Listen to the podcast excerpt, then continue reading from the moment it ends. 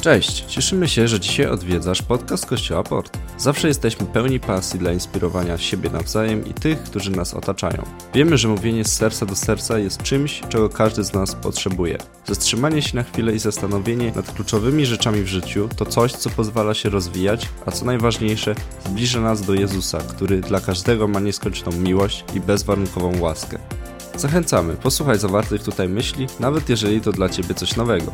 Modlimy się, żeby treść tego podcastu mogła w realny sposób budować Twoje życie. Panie, dziękujemy Ci za to, że jesteś tutaj obecny. Za to, że jesteś tutaj z nami. Za to, że działasz. Dzięki Ci, Panie. Błogosławimy, Panie, wszystkich, którzy tutaj są. Dzięki Ci, Panie. Amen. Ale skończyłem źle. Najgorzej na świecie. Jestem w zespole, a skończyłem najgorzej, jak to jest możliwe. E, słuchajcie, dziękujemy zespołowi. Dzięki, że potraficie tak ładnie grać nawet beze mnie. A może nawet szczególnie beze mnie. Chciałem podziękować jeszcze jednej osobie, której może na pierwszy rzut oka nie widać, bo kryje się w cieniu. I chciałem dzisiaj podziękować Tomkowi. Odwróćcie się teraz do Tomka. Tomek jest tam z tyłu, pomacha do nas. Słuchajcie, on dzisiaj jest tam sam na miejscu, w którym powinny być trzy osoby, łącznie sześć rąk, a on ma tylko dwie. Więc to jest niesamowite. Właśnie chciałem pokazać, o co tutaj chodzi. Napisałem, pastor Julito, to, nie to, to nakazanie, proszę o zostawienie, dziękuję. To jest taki przypomnienie tego, że pastor Julita ostatnio, jak głosiłem, zabrała mi wszystkie moje rekwizyty do kazania, więc postanowiłem się zabezpieczyć. E, słuchajcie, chciałem zacząć od takiej pewnej historii. Nie wiem, czy wiecie, ale ostatnia piosenka, którą śpiewał nasz zespół, e, w oryginale nazywa się Touch of Heaven. I tą piosenkę w oryginale stworzył Hillsong Worship z Australii. Taka ciekawostka, Hillsong Worship ma 9 milionów subskrybentów na YouTubie i jest generalnie najbardziej lubianą grupą uwielbienia na świecie, bo stworzyli taką piosenkę jak Oceans, którą wszyscy, wszyscy kochamy. Eee, I słuchajcie, Hillsong napiszę, bo to bardzo ważne.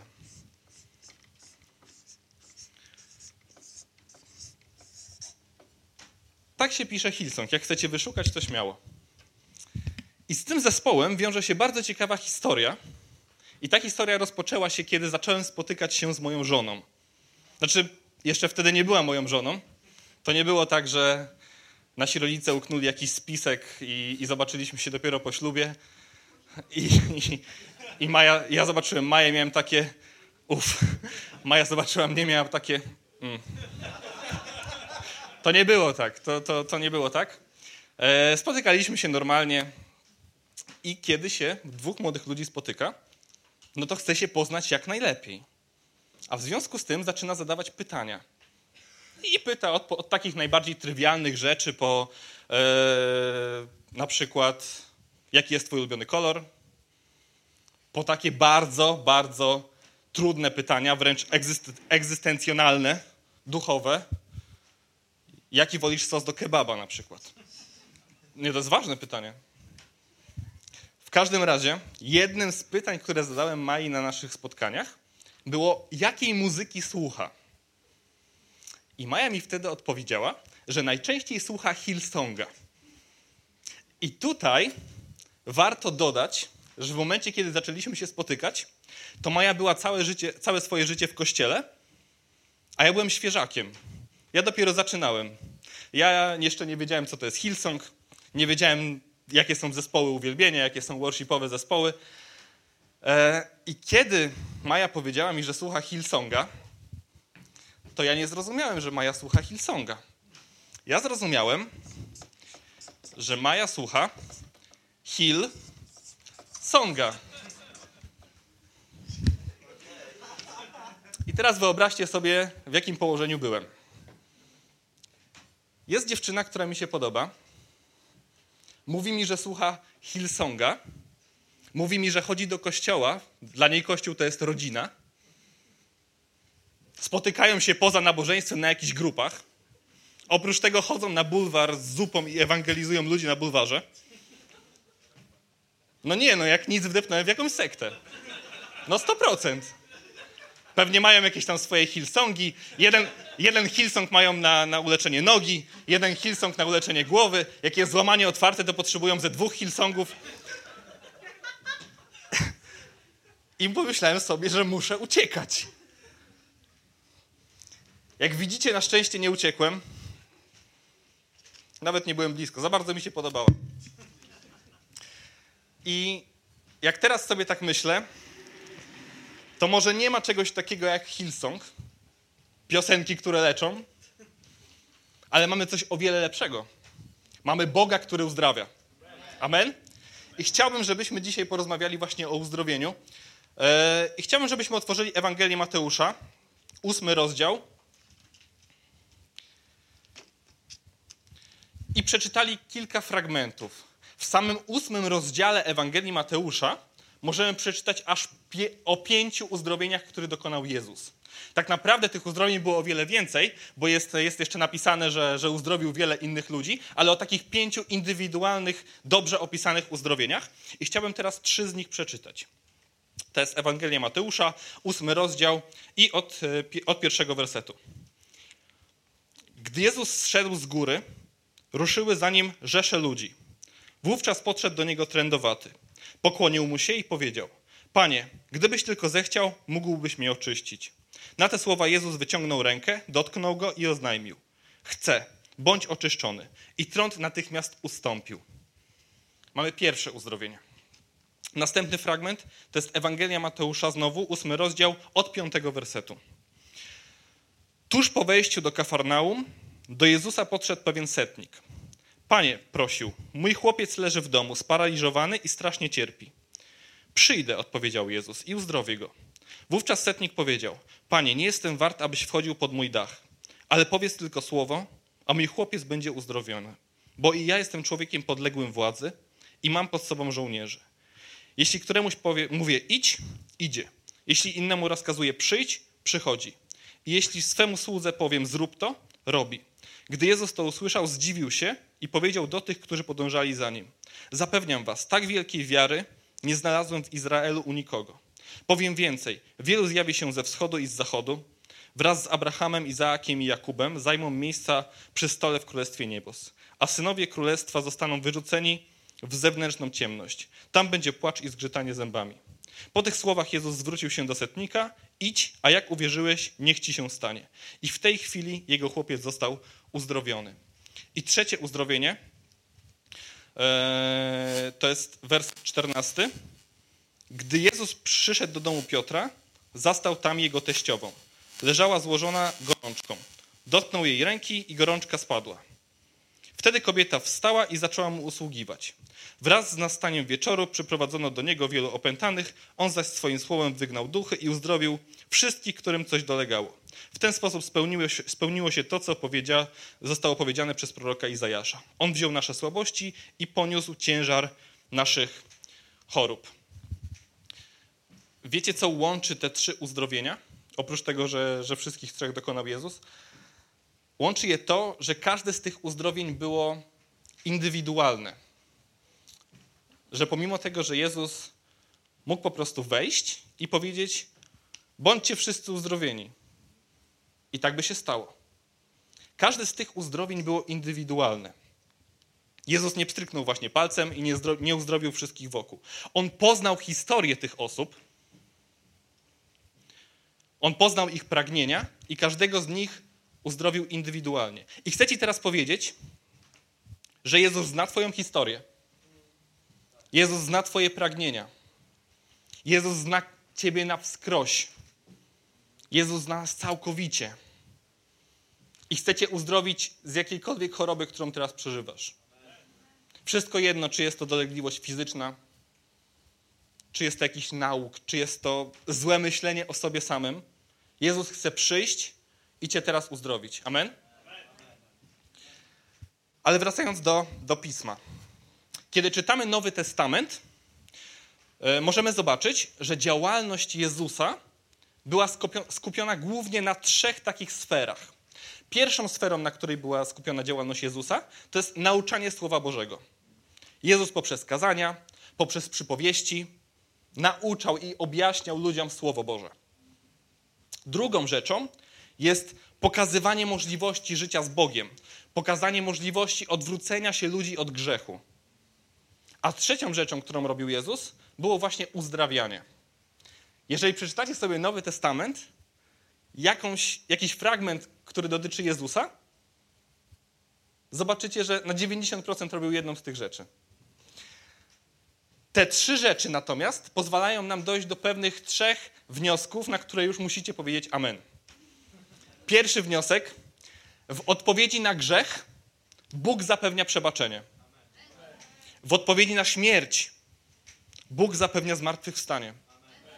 I w odpowiedzi na chorobę zapewnia uzdrowienie. Amen? Cieszę się, że się z tym zgadzamy.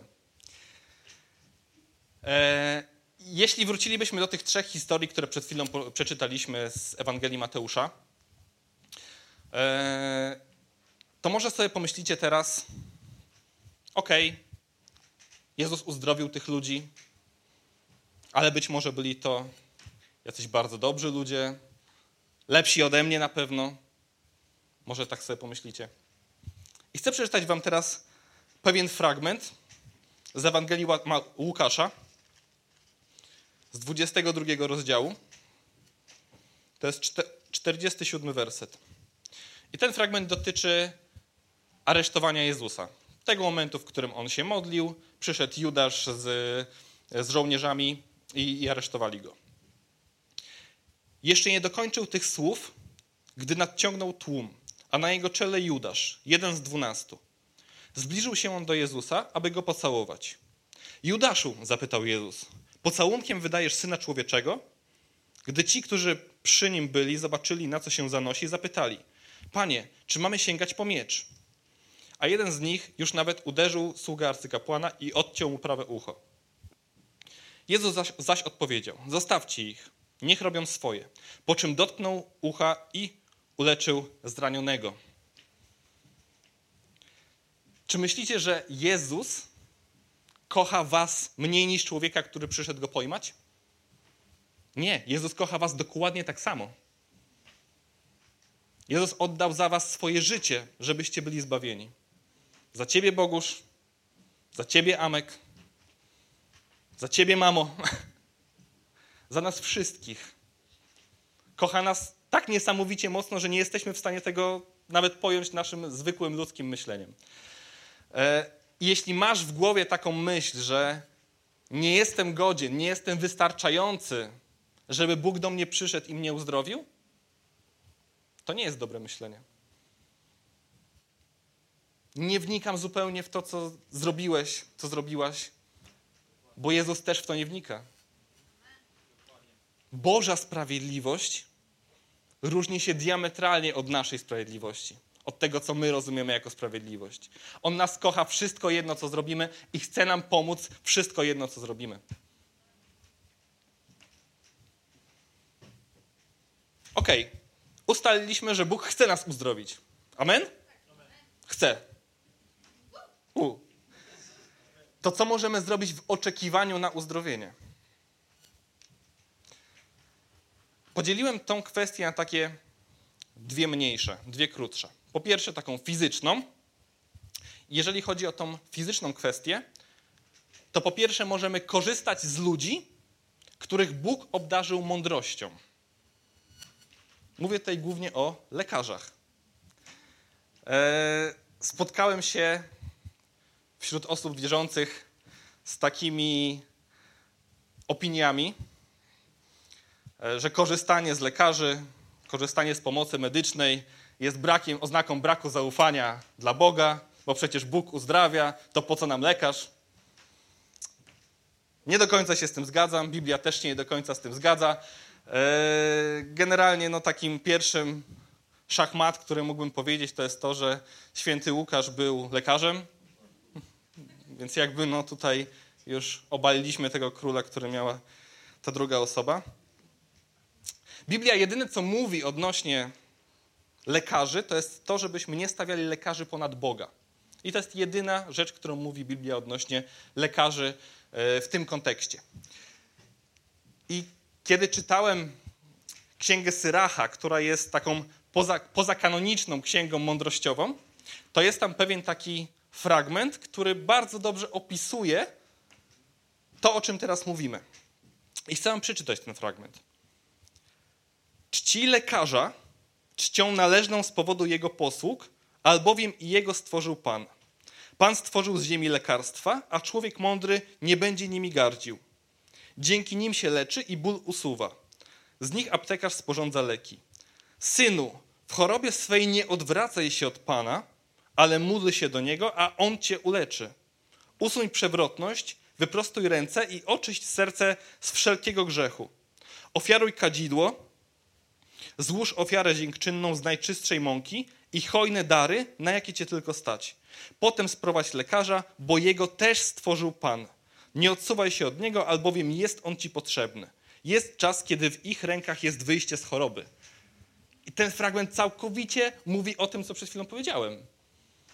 Że na pierwszym miejscu stawiamy Boga, ale nie oznacza to, że nie możemy korzystać z mądrości osób, których Bóg tą mądrością obdarzył. Amen? Mogę wysnuć takie dwa wnioski z tego, z tego, co przed chwilą przeczytaliśmy.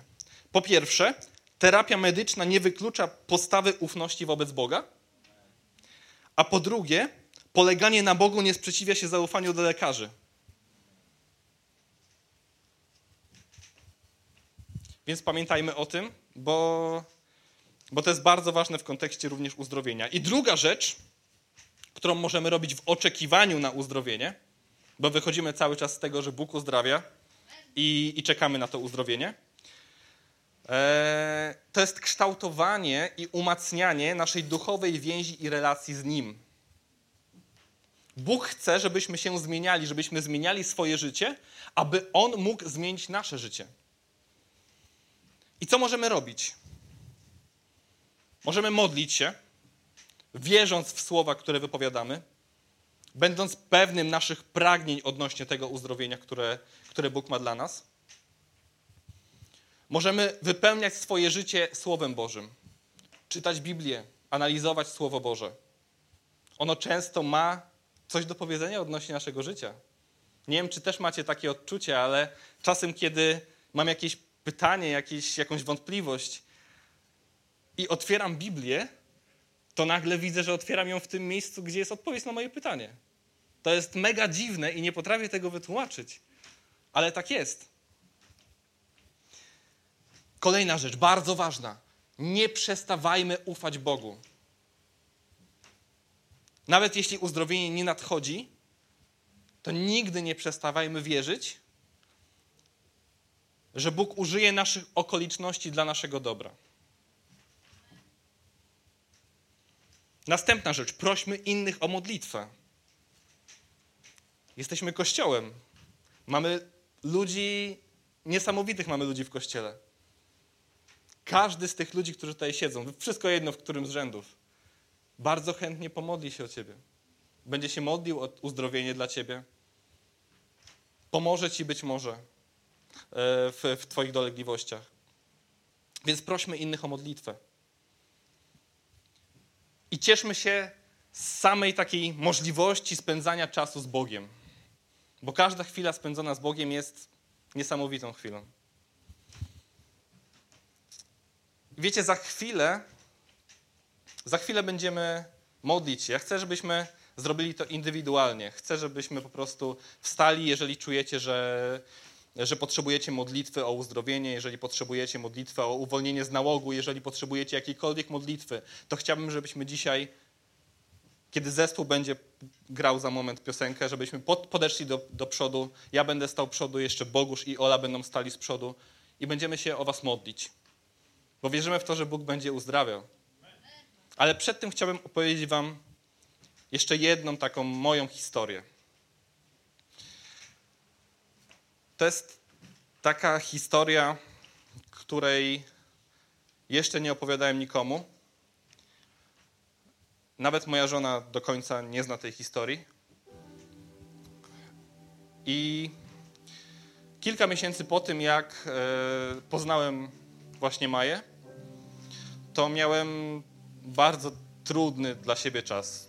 Taki nie dość, że ja nie czułem się dobrze ze sobą, wręcz moja samoocena była poniżej poziomu podłogi. E, to jeszcze miałem problemy, jeżeli chodzi o relacje z moimi najbliższymi. Bardzo dużo się kłóciliśmy. I podczas jednej z takich kłótni coś się we mnie przelało.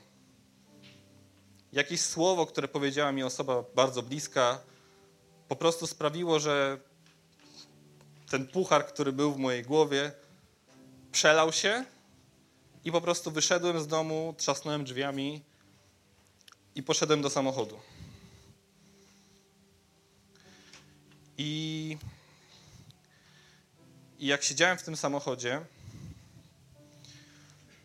to, to, je, to jedyne, co miałem w głowie, to jest to, że nie zasługuję na to, żeby żyć na tym świecie. Że będę nikim, że jestem nikim, że nikt nigdy, nic nigdy nie osiągnę. I moja myśl była taka, żeby po prostu rozpędzić się i zakończyć życie. I, I, kiedy tak siedziałem w tym samochodzie, to nagle zadzwonił telefon i zadzwoniła do mnie właśnie Maja. I, i zapytała, co się stało, i powiedziała, żebym wrócił do domu. I, I wiecie, w tym momencie coś we mnie przeskoczyło. Nie było tak, nie mogę wam teraz powiedzieć, że, że było tak, że od razu zostałem uzdrowiony, że moje myśli zostały uzdrowione, bo tak nie było. Ale jestem absolutnie pewien, że ten telefon był natchniony przez Boga i że uratował po prostu moje życie. I, i od tamtego momentu zaczął się taki proces, który e, trwał przez jakiś czas, ale ten proces zakończył się pełnym uzdrowieniem. Całkowicie uzdrowione zostały moje myśli, moja sama ocena. To był proces. To nie było pstryknięcie palcem. Ale to był proces, w którym ja uczestniczyłem, w którym uczestniczył Bóg. I to było dla mnie po prostu niesamowite. No, nie potrafię tego nawet opisać, bo, bo od tamtego momentu tak naprawdę zaczęło się takie moje prawdziwe życie z Bogiem i, i od tego momentu, kiedy zacząłem być przez Niego uzdrawiany, mogę powiedzieć, że, zacząłem tak naprawdę żyć. I chciałbym się modlić. Nie wiem, jaki masz teraz problem. Czy może masz jakieś dolegliwości fizyczne?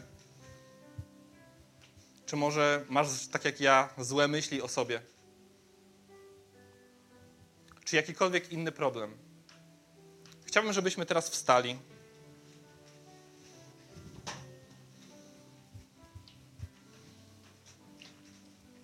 I kiedy zespół będzie grał,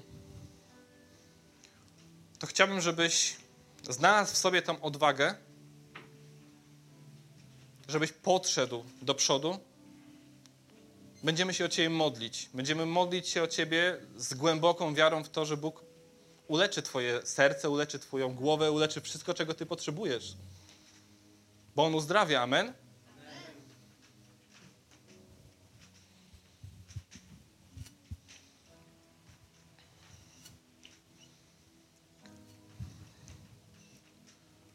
Panie, ja dziękuję Ci bardzo za tych wszystkich ludzi, którzy są tutaj.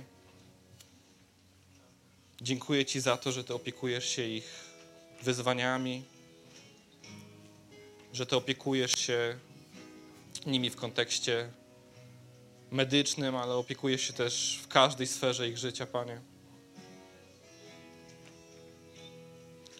Dziękuję Ci za ich serce, które Ty przemieniasz. Dzięki Ci, Panie, za to.